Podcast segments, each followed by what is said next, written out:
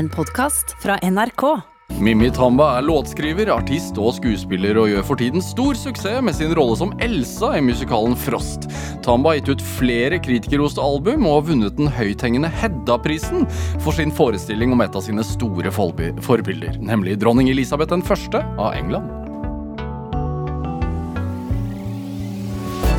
Dette er Drivkraft med Vegard Larsen i NRK P2. Mimmi Tamba, velkommen til Drivkraft. Tusen takk. Hvordan har du det? Jeg har det bra. Jeg har hatt en eh, fin morgen. Sover sovet godt. Ja. Og eh, ja, jeg gleder meg til det her. Veit du om eh, taket står på barndomshjemmet? Eh, det står, eh, men eh, ja, hun mamma har vært ganske redd for eh, at det taket skal faktisk skal falle av. Sånn på ordentlig. Ja. Ja. Jeg hun bor i Tromsø. Hun bor i Tromsø, ja. Ja. Det, det gjør eh, mora mi og stefaren min. Og faren min. Um, så det er jo full storm der nå. Eh, jeg er jo litt glad i stormen. eh, altså, som ofte så er det egentlig jeg som pleier å være redd for, å, for eh, liksom at taket skal falle av, men ja. nå har hun tatt over den rollen. Ja, og, den, og når moren din er nervøs for at taket faktisk ryker, da veit du at det blåser godt. Ja, da er det ille. For hun er veldig sånn eh, ja, eh, vant med, med vær. Forskjellig type vær, da. Ja. Eh, Og glad i forskjellig type vær, men dette her, dette er alvor. Hva syns du egentlig om sånn øh, Hvor lenge har du bodd i Oslo nå? Siden du var 19 år? eller noe sånt? Ja, siden jeg var 19, så jeg er jo 32. Blir 33 i år. Hva syns du om sånn søringssutring over været? Eh, eh, jeg syns eh, Ja, jeg tenker, unnskyld meg, men at det er litt, eh, litt pinglete, altså. Fordi altså, bo i Tromsø Der har vi jo også at det blir bare mørkt ikke sant, på vinteren. Ja. Så ja. Det her holder liksom ut Altså 10 min... Nei, 10-20 Nei, 20 minus var det vel. Jeg syns ikke det var så kaldt. Nei, nå tøffer jeg meg litt, men, men ja, du skjønner. Ja, er det Har det ikke akkurat vært sånn solfeiring? Eh, kanskje. Ja. Åh, jeg får ikke med meg Er det ikke sånn oppe i Tromsø? Sånn. Jo, sånn, ja. ja, Solbollen og sånn, ja. Ja. Eh, jo, det har vel akkurat nå veldig sola begynt å komme tilbake, ja. Ehm, spiller fremdeles Elsa? ja. Selv etter jul? Ja, vi spiller helt fram til 30. april, vi. Ja. Mm. Er, hvor lenge har du altså, Hvor ofte står du på scenen da? En gang i uka? Eh, nå eh, er det vel Altså, vi har fire denne uka, men før eh, eh, jul, eller i jula, så var det jo sånn syv ganger i uka, altså. Syv ganger i uka? Ja, ja. Da var det Ja, det, det var Og så noen ganger hadde vi prøver på dagen. Altså, det er sånn, du har ikke Hvordan er et annet liv. Jeg har, små, jeg har små barn, og unnskyld også, og er litt sånn smålig lei musikken fra Frost. Hvordan, hvordan, hvordan har du det? Um, altså, jeg må innrømme at uh, før jul så, så jeg kjente på at oi, nå, nå har jeg litt mye Det må ut i hodet, altså. Ja. Så jeg kjente at jeg, jeg Ja, som, er, som er den norske tittelen på Let it go. Ja, det må ut, det må ut. Kanskje temje det jeg har i meg. Um, så jeg kjente jo på det at jeg, var, jeg trengte litt pause, altså. Så jeg så veldig mye i, i, i juleferien, da. Mm. Men uh, nå, har vi fått, nå har jeg fått litt mer eh, opp, eh, luft imellom, og da klarer man på en måte å gjøre litt nye ting. Det er litt fort å begynne å gå i sånn autopilot når det er liksom syv, syv stykker i uka. Hva er alderssnittet i publikum? Um, eh, altså Det er jo mange barn, men det er ganske mange voksne også. Så jeg har jo sett liksom voksne ja, voksne menn også i Elsa-kostyme, liksom. Så det er liksom eh, bredt, men det er jo mest un familie, liksom. Unger og familie, liksom. Hvordan oppfører de seg i forhold til når du har spilt uh, rent voksenteater? Um, åh, altså Etter Det må ut, hvis vi har sånn eh, DKS, eller Den kulturelle skolesekken-konsert Nei, konserter, forestillinger, så er det jo rockekonsert, altså. De, de skriker etter Det må ut. Altså, det er sånn, det er sånn Jeg kan bare kjenne energien. Så det, det er virkelig populært blant unger. Uh, Du, du har hørt det mange ganger? Jeg har hørt det mange ganger. Ja, ja. Jeg har sett filmen, og det, koser oss med Frost. Ja. Ja, selv om gutta er litt sånn Jeg har to gutter, da. ja. Jeg tror ikke de helt vil innrømme at de syns det er gøy, fordi det det er, det er jentene i barnehagen som liker Frost, sier de, men de liker det jo godt. Hvor, hvor gammel er de? Tre og fem. Ok, ja. Ja, ja. ja. Tre, da, altså, når man blir fem, kanskje begynner man å synes det er flaut. Ja, kanskje. Er det um, Hvordan passer det inn i din uh, Hva skal man si plan som eh, skuespiller og, og artist å spille Elsa? Um, altså Jeg hadde ikke trodd at jeg skulle gjøre det hvis, du, liksom, hvis jeg ser tilbake mange år uh, tilbake.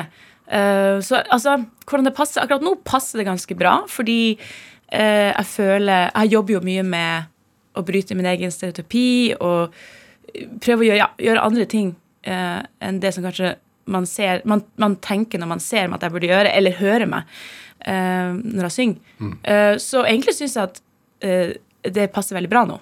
Um, Hva handler det om? Å bryte egen stereotypi? Um, det er også min egen forventning, eller skal vi se, hva det handler om. Uh, for eksempel da, at når jeg var yngre, eller når jeg var sånn 12-13, så jeg, jeg, var jo, bodde jo i Tromsø, og tidlig så skjønte jeg at jeg kunne synge, og de rundt meg skjønte at jeg kunne synge. Hvordan skjønner man det tidlig? Um, man får bli fortalt det. Det blir ja. man. Og så uh, elsker jeg å synge. Så, så, det var noe jeg visste at jeg likte å gjøre. Og så når jeg får det oppfordra veldig, så var jo det også gøy. Um, så liksom mora og faren min, og, og, så begynte jeg jo å synge litt ut liksom, i Tromsø by og sånn, og fikk veldig fine tilbakemeldinger. Um, og så var jeg jo med i den Pre-Idol, pre som var, vi lagde liksom Pre-Idol i Tromsø som var veldig sånn lite, og, men det var en konkurranse, da.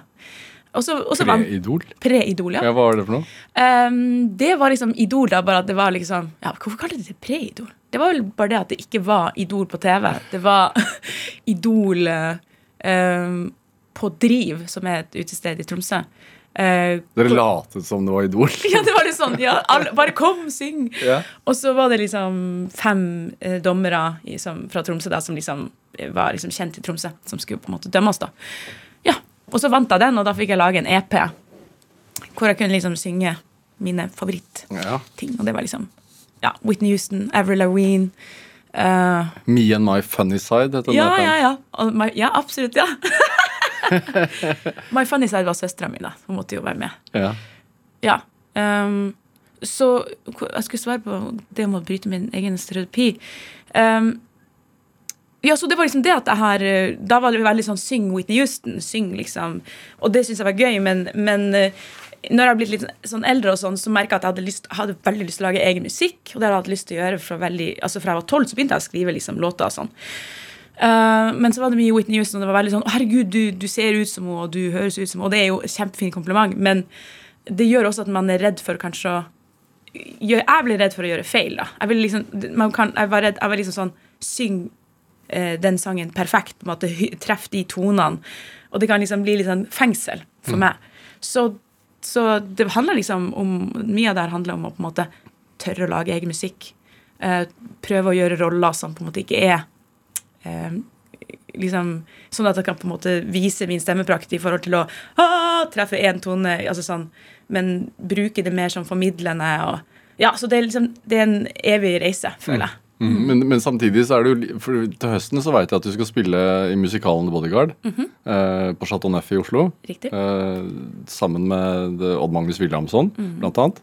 Eh, og det er jo en film som Whitney Houston har spilt i. Hun uh, spiller Rachel, som du også skal spille. Ja. Så det er litt full, full circle.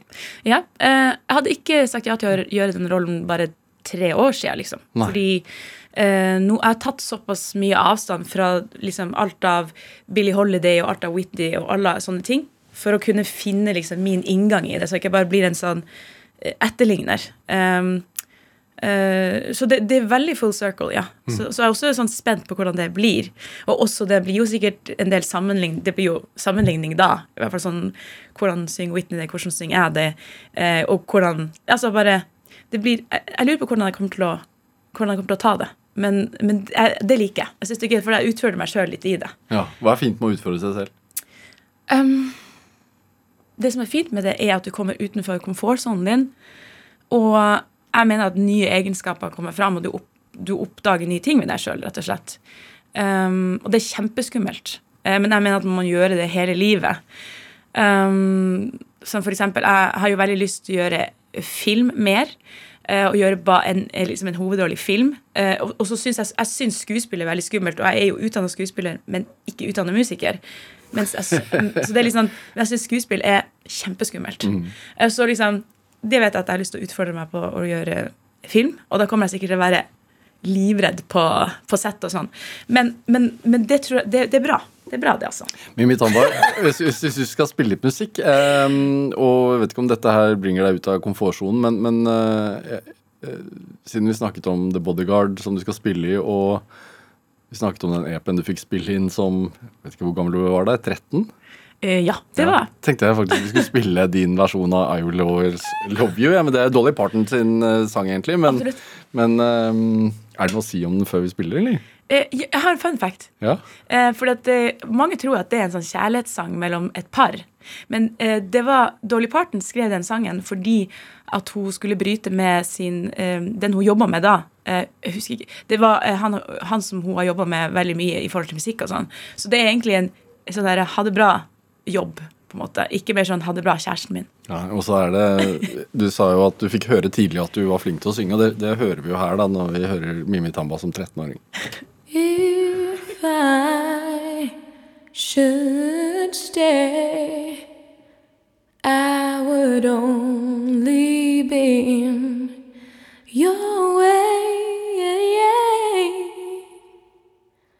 So I go, but I know I'll think of you every step of the way.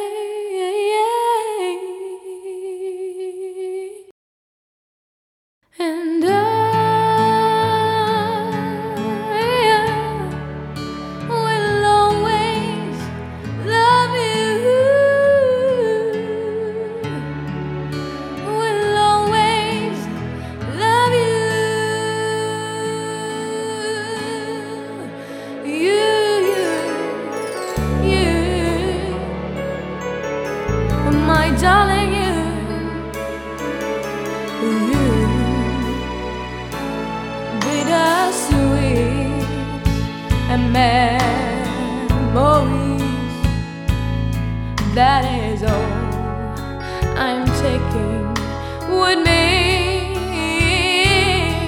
So goodbye. Please don't cry. We both know I'm not what you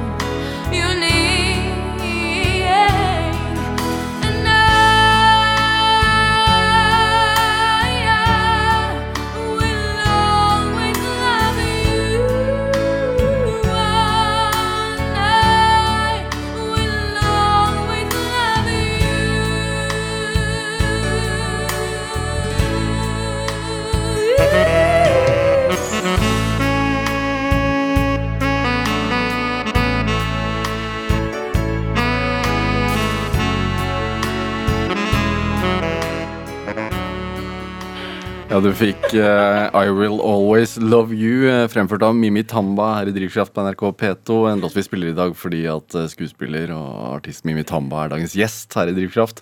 Du, du var 13 år da. Hvordan er det å høre på den nå? Uh, å, det er lenge siden jeg har hørt den. Uh, det, var, det, det er rart. Det er en annen person. Jeg, hø, jeg kjenner jo igjen stemmen min, men han har utvikla seg veldig. Ja. Mer bass har jeg fått. Og, eh, men det er litt gøy å bare høre. eh, Det, det er gøy å høre. Eh, Hvem, var den 13-åringen? en, hvem den 13-åringen var. Jeg var eh, veldig impulsiv og, og naiv og eh, sulten. Kjempesulten. Eh, og hadde, ja, hadde liksom lyst til å bare eh, ta over verden, på en måte. Med ting. Eh, ja. Hva, tro, hva ville Hvis du nå da som 32-åring hadde møtt den 13-åringen, hva hadde du sagt til henne? Eh, jeg hadde sagt um, Vær mindre redd. Ja. Vær mindre redd. Hva har du vært redd for opp igjennom det? Jeg har alltid vært redd for å feile eh, og dumme meg ut, eh, gjøre feile valg, Um, skuffe. Ehm, Ja. Hva fører det til? Altså, det, det har ført til at jeg hadde lyst til å motbevise meg sjøl, da, eh, og andre, eh, eh, på at, at jeg kan få det til, eller altså Og så har jeg også hatt lyst til å ha motet til å feile, hvis du skjønner hva jeg mener. Dumme meg ut for en annen. Det, det gjør jo egentlig ingenting, men det er et eller annet med det som jeg har, så lyst til at, at, jeg har hatt lyst til at det jeg skal gjøre, skal være så bra, liksom. Eh, anerkjennelse, på en måte. Uh, og jeg har spurt meg sjøl hvorfor vil jeg anerkjennelse. Uh, hva trenger anerkjennelse på? Um, Hvilke svar har du fått av det? Uh, altså Det som har vært, er at når jeg lager musikk, da, så har jeg bare funnet et fritt rom. eh, Hvor på en måte anerkjennelse og alt det der ikke har egentlig Det har ingenting med det å gjøre. Det er liksom Det er bare meditativt og gøy. Altså prosessen, da. Så, så for meg så har det vært det fra liksom å være 13 da og opp til nå 32 eh, og bare på en måte skjønne at prosessen egentlig er det som er det gøyeste. Og så det som er gøy med resultatet, er at det er ikke ferdig. Da, det, da, da begynner det å vokse. ikke sant? For da er det f.eks. i en setting hvor du har konsert, så spiller du for publikum, og det er reaksjon på det, og du kan diskutere med de etterpå eh, hva de har opplevd og sett. Um, og det er liksom det som er interessant, mer enn 'dette var bra', 'dette var dårlig'. Um, og da, da utvikler man seg hele tida, og da, da, da kan jeg liksom fortsette å lage ting, føler jeg. Liksom, det er det jeg prøvde å lære meg da, selv om jeg fortsatt liksom har lyst til å være flink og alle de tingene der kommer alltid til å være der, men jeg, jeg, jeg har skjønt at det er ikke Det har vært veldig deilig å skjønne at det er ikke det viktigste for meg. At, at, at det er ikke Drivkraften min er ikke at, at jeg skal ha anerkjennelse. Det er egentlig det å møte mitt folk, på en måte. Og, og se hvor vi er like og ulike på. Og, og, og har gjerne lyst til å finne mennesker Jeg har følt meg litt sånn Jeg har alltid følt meg som en outsider, da. Så derfor har jeg tenkt at jeg har vært alene. Derfor eh, Mens liksom når jeg liksom har tort å vise mer hvem jeg er, så, så tiltrekker jeg mer de menneskene som er riktig for meg å ha i livet, og min gjeng, da. Uh, Hvorfor er den, altså Når oppsto den følelsen? det er ikke så lenge siden, egentlig. Altså den outsider-følelsen? Å ja. Ah, um, jeg tror Jeg på, nesten, holdt på nesten å si at jeg kom ut og bare følte meg sånn, men Eh, Men jeg tror jeg ble Jo. Jeg tror jeg ble ekstra bevisst på den eh, når jeg begynte på Nordic Black Theatre.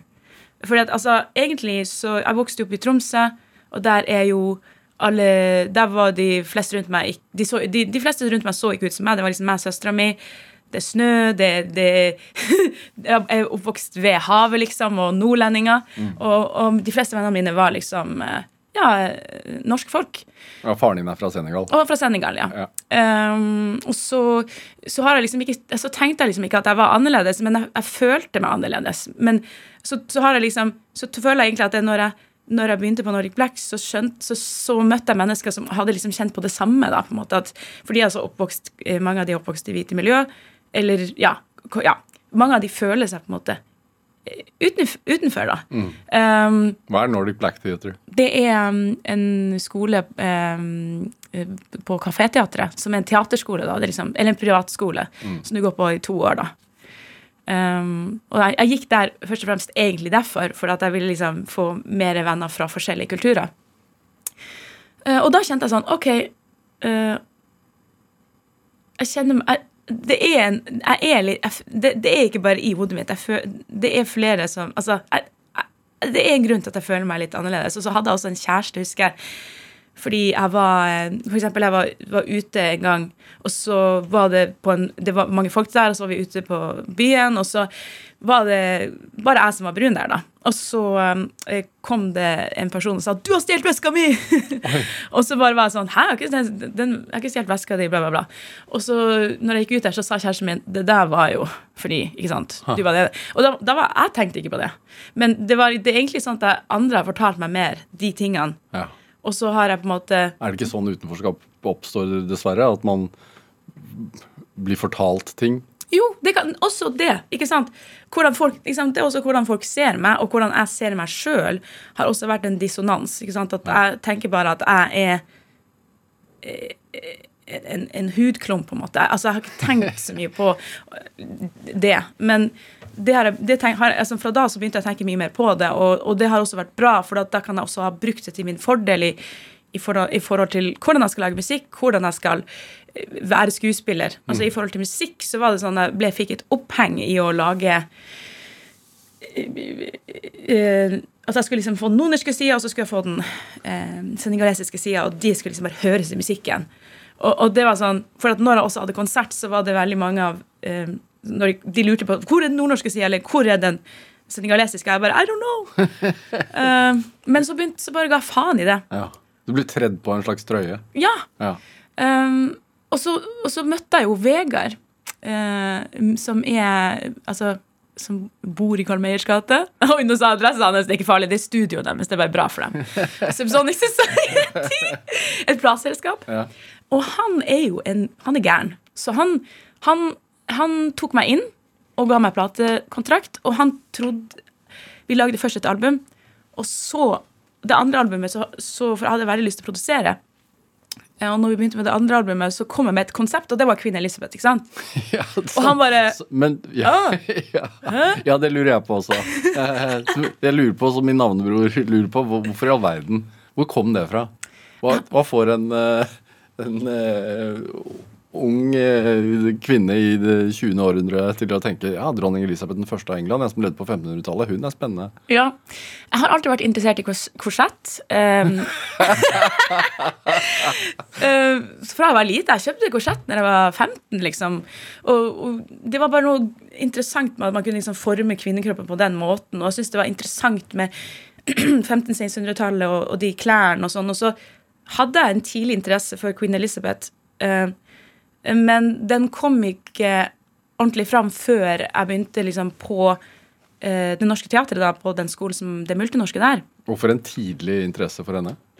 Hva er det som var fascinerende med henne? hun, hun var så um, se, altså selvstendig, på en måte, i en verden hvor det bare var, var menn rundt henne, på en måte. da.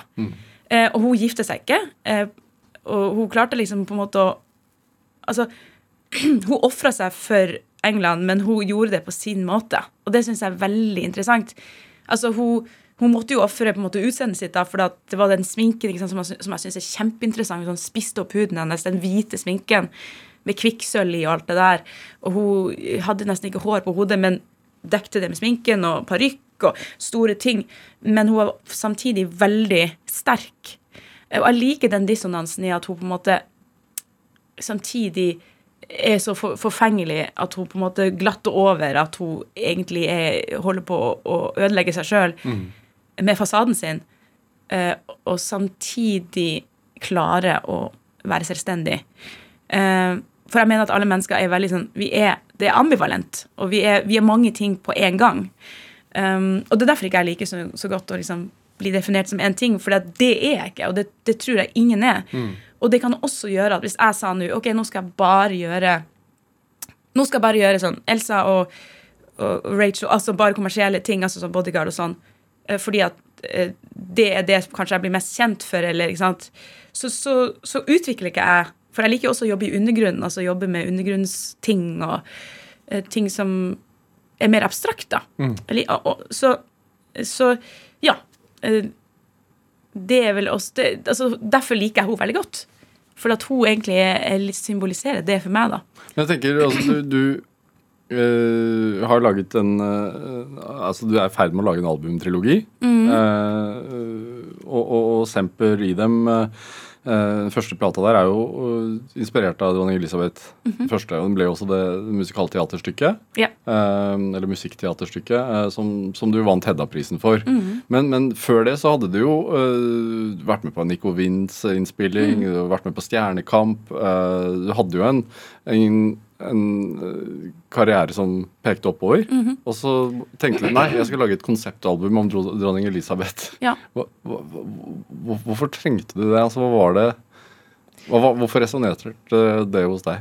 Um, fordi det var Det var det jeg hadde lyst til å lage. Um, og det følte jeg at um, kommer til å være det som fører meg videre Fører meg videre til riktig sted, hvor jeg trenger å være i min karriere. Mm.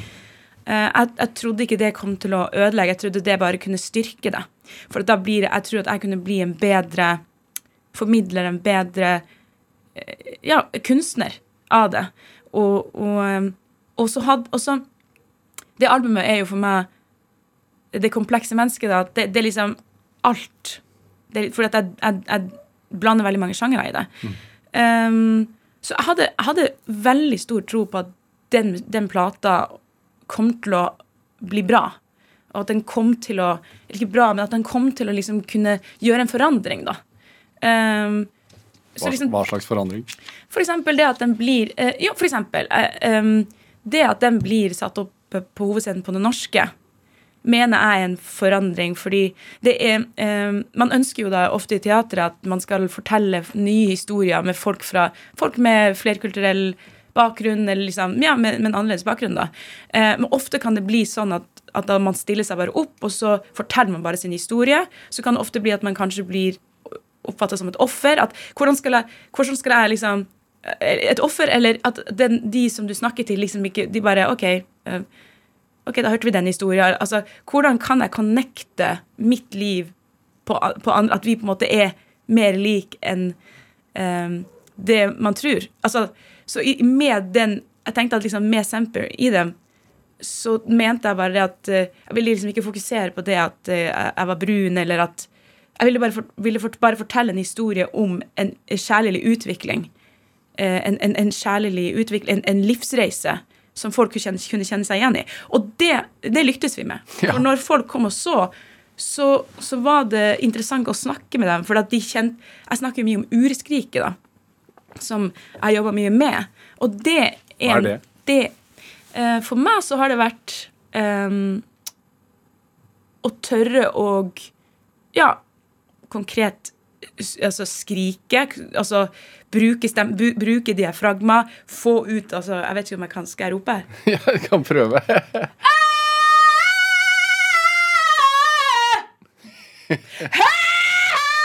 Unnskyld, folkens. Hva, hva, hva, hva løste inni deg nå? Altså, hva, Nei, nå, nå, har, nå har jeg vært igjennom Det er bare det at du kan det, det, det er, Stemme er veldig eh, personlig for folk. Det er noen som ikke klarer å høre på sin stemme. Um, så bare det å tørre å strekke den så langt som overhodet mulig eh, i et rom med andre, er inspirerende. Og jeg har sett det rundt, også som Heidi Gjermundsen Broch er en fantastisk vokalist og menneske. så spiller Elisabeth i, i, i oppsetningen. Ja, og hun, vi, hun, jeg føler hun jobber på en, på en lik måte, eh, bare, på en, bare på hennes måte. Er det rensende å skrike? Det er rensende å skrike, ja. Ja. Jeg synes det. Eh, også kontrollert. ikke sant? Du kan skrike på så mange forskjellige måter. Eh, ikke skrike, men Eller ja, skrike, eller urskrike, da. Fordi at Hvorfor trengte du det? Å få ut urskriket? Um, Fordi jeg følte meg fanga i meg sjøl og min egen, min egen redsel og redd for uh, Ja. uh, ja, det der med å, med at, må dumme meg, ut. Og, og så Bør flere prøve det? Bare gå, gå ut i, i skauen og rope? Ja. Ja. Jeg tror det virkelig, ja. Jeg tror, jeg tror virkelig det. Og så jobbe med det kontinuerlig, og så til slutt så kan man, kan man liksom sende det ut som en slags sånn eh, hva kaller man det? Superkraft. Det føler jeg liksom at, at med stemmen Noen ganger kan jeg bare sånn Ok, sende det ut, rett ut, og så kan jeg sende den opp og ned og rundt, og så kan jeg plutselig putte på litt distortion, ikke sant? Fordi at jeg føler at jeg har klart å eh, temme det der villdyret inni meg, på en måte. Eh, så jeg kan også, det betyr også at jeg kan slippe det løs også, når jeg vil. Ja. For jeg var redd for det villdyret, liksom, på en måte. Fordi at vi er jo dyr. Så, så, så jeg tror det er sunt. Ja, Mimi Tamba, vi, skal, vi må spille litt musikk fra, fra Semper. Ja. Um, spille en låt som heter Money. Ja. Um, hva er det å si om den? Um, nei, hva man skal si om den? Uh, jeg synger veldig lyst der av og til. Skal vi se om du hører når det skjer. Ja, Det er jo da fra albumet Semper Rhythm, og som Ja. også ble til forestillingen, som, som Aftenposten blant annet eh, kalte 20-tallets beste konsertforestilling. Intet mindre. Okay. They grabbed it, they're trying to take it all. It's so expensive to breathe. Don't let them make you crawl. You got your dream, hun. That thing you're working so hard for. Don't turn your back. Them little demons, them little devilish things, those weird beings. That's quite hard to distinguish. They want our money. They want our soul, everything we've been working for.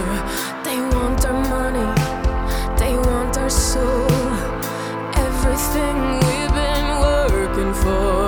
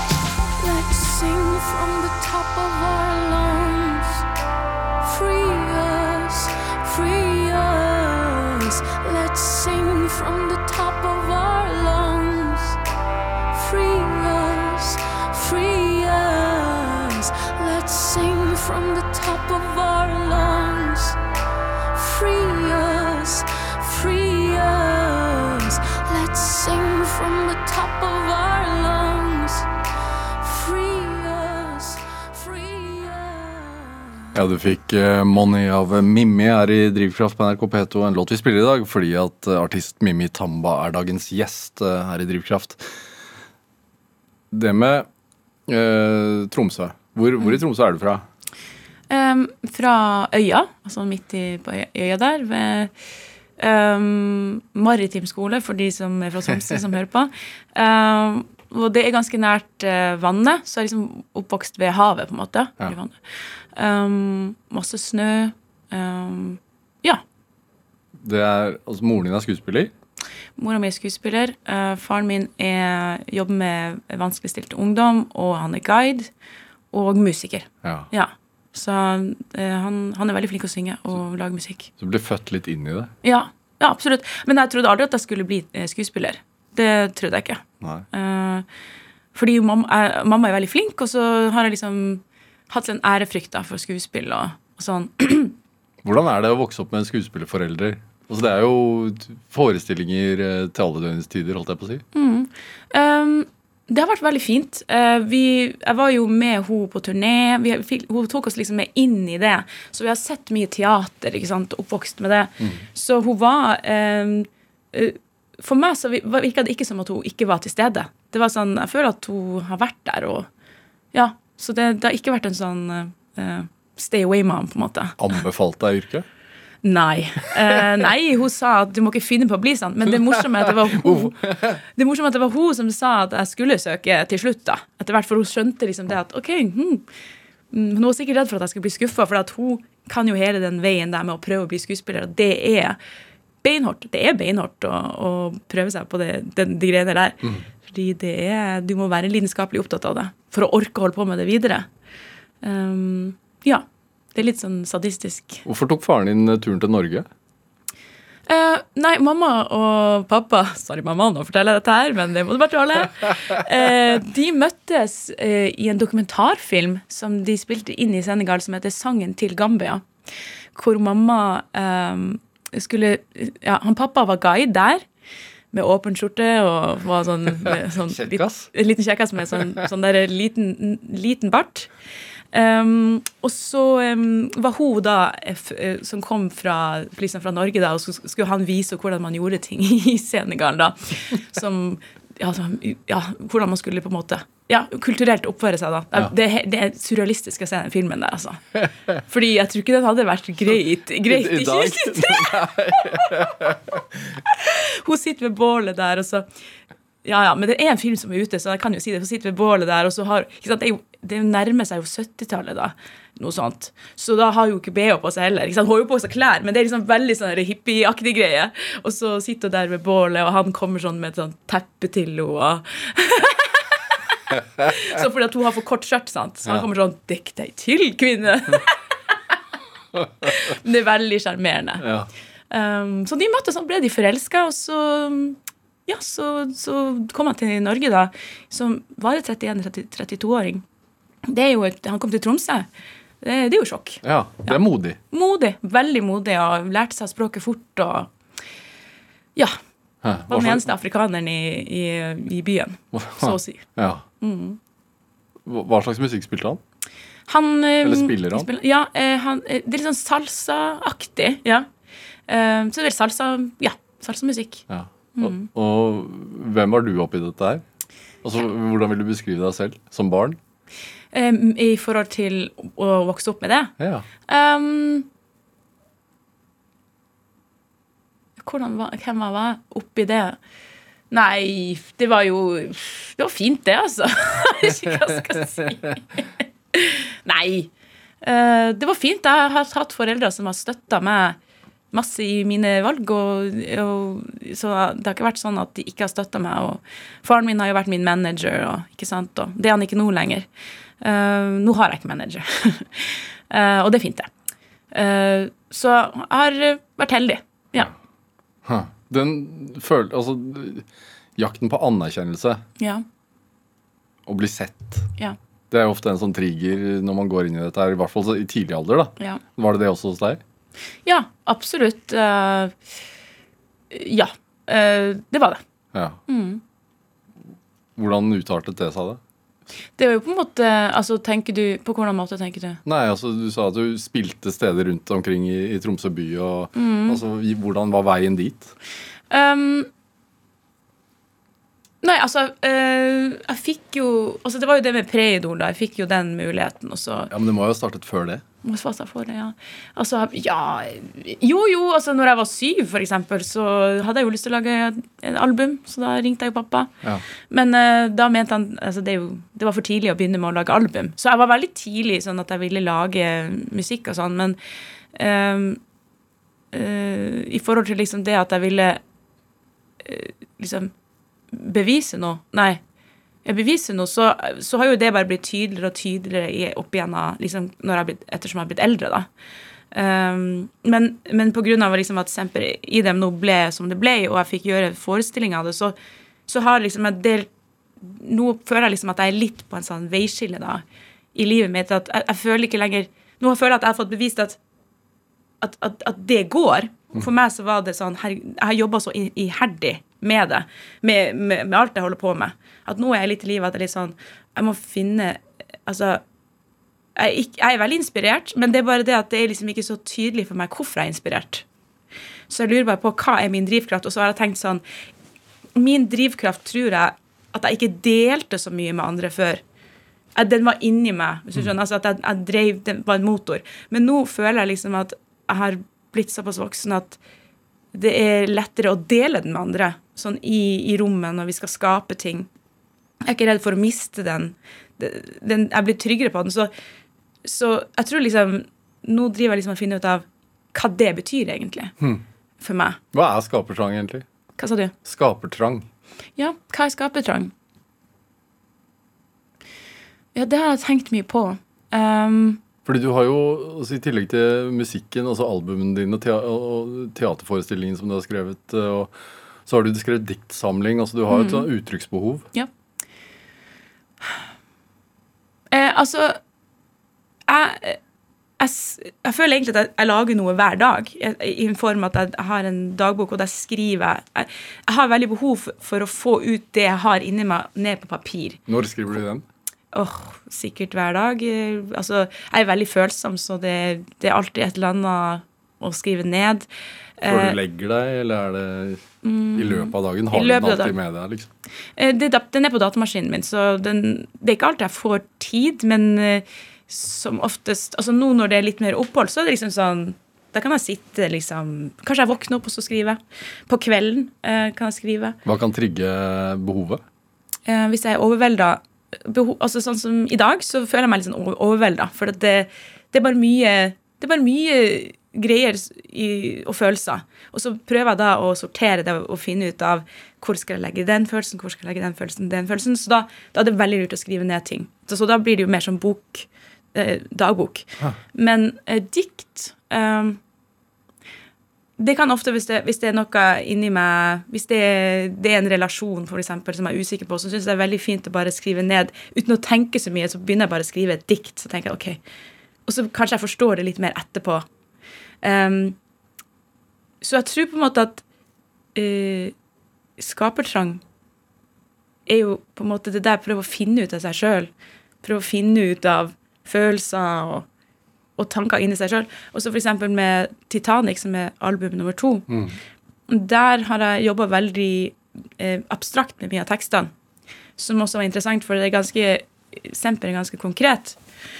Eh, og det er veldig sånn drømmende tekster, men og når jeg skriver de tekstene, så, så bare flommer det ut av meg. Og jeg vet ikke alltid helt om jeg forstår alt som jeg har skrevet sjøl.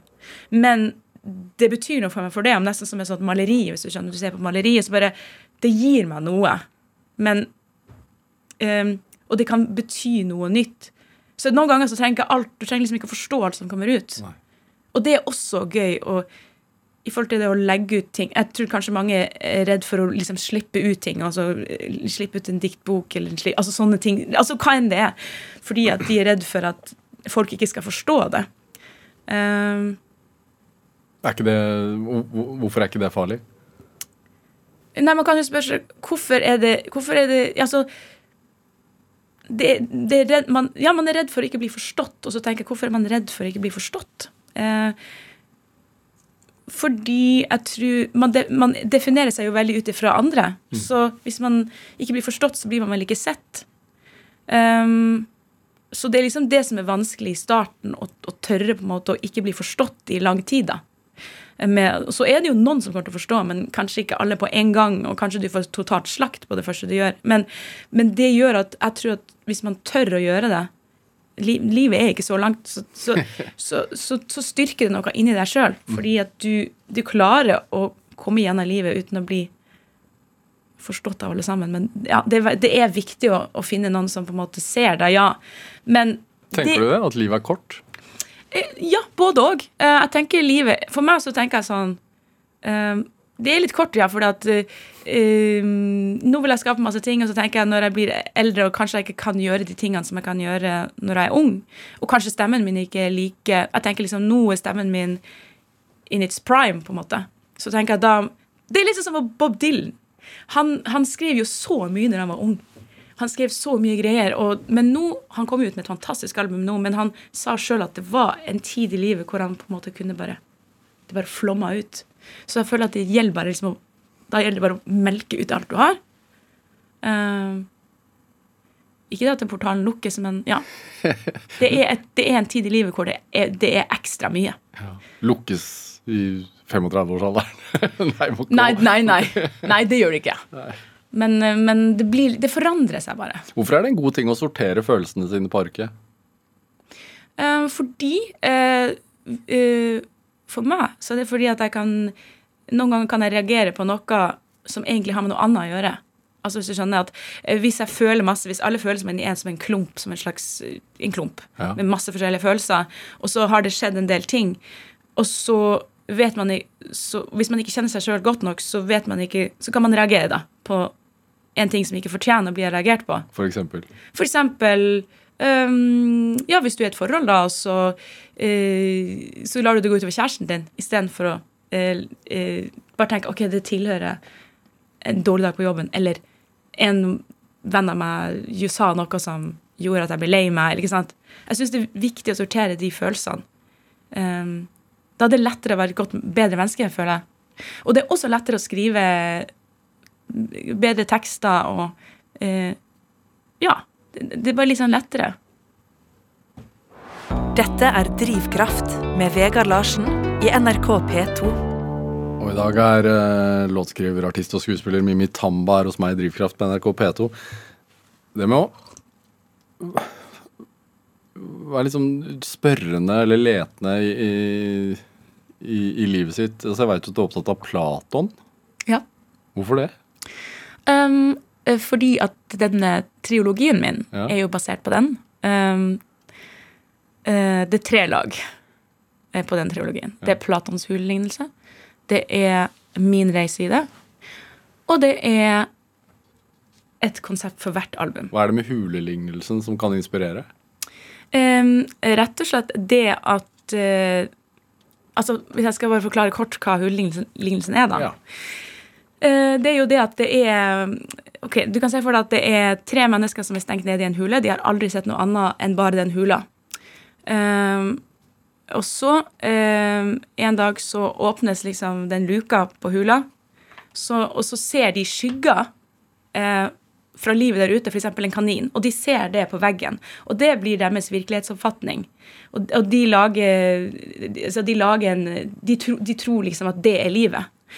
Og så eh, er det en av de som klarer å, å komme seg ut og se hva som virkelig er der ute. Hva som gir eh, skyggen eh, på veggen. Og så ser han dette, oi, oi, oi, oi. Og så vil han gå tilbake og fortelle det. Eh, og så forteller han det til dem, men de tror ikke på han. Eh, de velger heller å drepe personen. Eh, og det er veldig interessant. Um, Hvorfor det? jeg tenker på livsløgn, jeg tenker på um, Altså at, at eh, Ja, hva er sannhet? Og hvis, for, for eksempel, Derfor er det jo interessant med filosofer som kommer med sånne store, nye tanker. Um, at folk kan, er veldig redd for forandring. At uh, de heller kanskje vil leve i det de alltid har levd i, uh, enn å faktisk gå ut og se hva sannheten er. Um, og er det sannheten? Ikke? Det, det er jo det er en veldig interessant greie. Så går man ut, er det sannheten bare for at det er der ute? Kanskje det er noe annet som gjør det? ikke sant? Men um, jeg syns det er interessant at de dreper personen, og så velger de heller å være der nede. Ja. Og det var Platon sin hulllignelse. Og, og, og ut ifra det så har jeg liksom lagd ikke sant, for eksempel Semper, da, som er For meg eh, så var jo det at um, Altså bare bildet på plata, altså eh, platens historie, Semper Idem, så var det det at jeg satt nede i en um, brønn, og så opp mot der, Altså opp, og der var det sol og sollys, og så ville jeg opp dit og ut. ikke sant? Men så hadde jeg liksom Queen Elizabeth sine klær på seg som tynga meg ned. Uh, og så måtte jeg gå gjennom mine egne demoner og liksom løse opp i ting. For, og da gikk hvert plagg av, og da kunne jeg liksom levitate up og ut i sollyset. Uh, og så, og så da, og, men det som er interessant med det, er at så ser jeg verden der ute, da. Oi. Um, og det klimaks, også klimaks, for eksempel, man tenker på, eller eks- ekstase. Altså, hva skjer etter ekstase? Hva skjer etter at du på en måte har gjort din første sånn der dykk i deg sjøl, og du tror liksom OK, nå skal jeg bare klare alt og alle verktøy på plass. Um, så da er liksom Titanic uh, mer det at jeg, at jeg observerer den nye verden, og, og ting ikke, at ting er mer flatt og uh, kano, på en måte. Ja. Ja. Men er det altså, Jeg leste et sted at du valgte å leve i sølibat i tre år. Riktig. Er det også en del av en sånn utforsking Mm. av sider ved seg selv? Ja, eh, det, og det skjedde veldig naturlig for meg. Jeg bare hadde ikke lyst til å være i forhold, hadde ikke lyst til å dele så mye om meg sjøl. Det, det hadde vært så mye, for jeg var veldig sånn som delte veldig mye av meg sjøl og, og tanker og sånne ting. Jeg fikk lyst til å observere og bare ta et steg tilbake. Ja. Og da tok det tre år. Det var ikke planlagt. En slags renselse på et vis? Ja, og det var, det var veldig bra. Ja. Hva, hva finner man? Um, jeg fant mer ro. Jeg fant også uh, Det var jo Altså, og mye av ting kom opp på overflaten. da, Ting som var undertrykt. Um, Som for eksempel. Nei, altså jeg har jo jobba veldig veldig mye i livet og kjørt på, kjørt på, kjørt på. Og så har jeg jo hatt mye angst. Um, og det, det fikk virkelig komme på overflaten, og jeg jobba med det. Um, Hva slags angst? nei, for eksempel, altså når jeg, Før pandemien så Jeg jobba jo med den Lasarus-forestillingen på Det Norske. som- Bowie-forestillingen. Ja. Ja. Som du det- ble nominert til Hedda-prisen for, blant annet. Ja. Så det var, det var, det var mye som skjedde. Og så eh, trodde, Men jeg har alltid vært litt sånn angstfull, på en måte. da. Og så, så, men det, det på en måte toppa seg, og jeg, jeg var på scenen og bare liksom jeg begynte liksom bare å dissosiere. Jeg fjerna meg sjøl fra kroppen og bare fikk, fikk sånn dødsangst. Og bare sånn, og det, det var jo veldig mange forestillinger, så jeg hadde det veldig mange ganger. Og jeg skulle jo også fly opp, så jeg var liksom i lufta. Og så var det liksom sånn OK, la det bare briste eller bære. Og så bare tenkte jeg nå dør du, og så bare skulle jeg synge den derre ja, forskjellige sanger. Så jeg hadde veldig mye angst um, som jeg bare ikke Men jeg tenkte sånn Sånn er jeg. eh, og jeg sto bare der, og så bare gjorde jeg det. Og så, men det fikk, det, kom, det fikk jeg jobbe veldig mye med uh, i den tida. Og da hadde jeg jo ja, en venn som på en måte jeg prata mye med, og som jeg kunne liksom virkelig bare Apropos uskrik, bare få ut liksom alt, alt det der gørret. Gørret. og, uh, og det har hjulpet. Uh, men Så jeg har ikke den samme angsten nå lenger. Kontrollerer du den? På en mye På en helt annen måte, ja. Altså, for jeg føler jo jeg kontrollerte den før, men da var det bare mer det at Bare paralysering, ikke sant. Men nå er det mer sånn At det, det hjelper faktisk å puste, men man må gjøre alt arbeidet i forkanten. fordi det har krevd så mye arbeid for meg. Um, jeg fortsatt kan bli nervøs, men nå er det nesten som en venn. Det er sånn Ikke en venn, men jeg kan kjenne at den kommer, men den gjør også at jeg, blir at jeg fortsatt er sulten. ikke sant? Jeg er sulten på å gjøre mer. Men den gjør ikke at jeg liksom bare er sånn at jeg dør, og at det, at jeg, at, det er så mye forferdelige sånne kjipe tanker om å snakke ned til seg sjøl, på en måte. Ja. Um, så, så, så liksom Ja. Det har vært mye angst som jeg tror ingen har sett. For at jeg har vært veldig sånn Og det har vært mye mer åpen om det nå altså, de senere årene. Eh, som også er fint. Så, så jeg liksom kunne bare gå rundt og ha angst, og ingen kunne se det på meg. Men hvorfor uh, utsette seg for det å stå på en scene da, når man kan kjenne på den følelsen? Uh, er sikkert fordi at jeg er litt sånn adrenalin-junkie. Det tror jeg at jeg er. Helt sikkert. Og fordi at det også kunne være det beste altså når, ikke, når det ikke var så ille. Og for eksempel når Nå har jeg ikke det sånn lenger. For eksempel når jeg klarte det, så hadde jeg en sånn derre Jeg fikk det til. Men, men den, det er også på en måte noe som var mer en drivkraft for meg før. Det der, Får du dette til, Mimmi? Og etterpå bare Wow. Og så gikk jeg en runde med at jeg ikke hadde den følelsen etter en sånn Det var mer det at jeg koste meg faktisk mens jeg gjorde det. Og etterpå så kunne jeg slappe av og ta inn andre mennesker, ikke sant? istedenfor bare gå hjem og bare liksom være sånn i sjokk over at det gikk bra. så jeg, jeg føler at nå er det liksom eh, mer enn en min en, en, inkorporert i meg. At liksom jeg går inn og så bare deler jeg en samtale med publikum, og så etterpå snakkes vi, og så Jeg kan liksom leve med det mer i harmonien. At ja. Ja. Og så vet jeg at du er opptatt av, og det tenker jeg også på med både Bowie-forestillingen, men også med, med Elisabeth, altså det, med, det å ha en maske Ja. og klær. ja Um, jeg er veldig interessert i fasade. Ja. Fordi det har vi alle på en eller annen måte, i, i høyere eller lavere grad.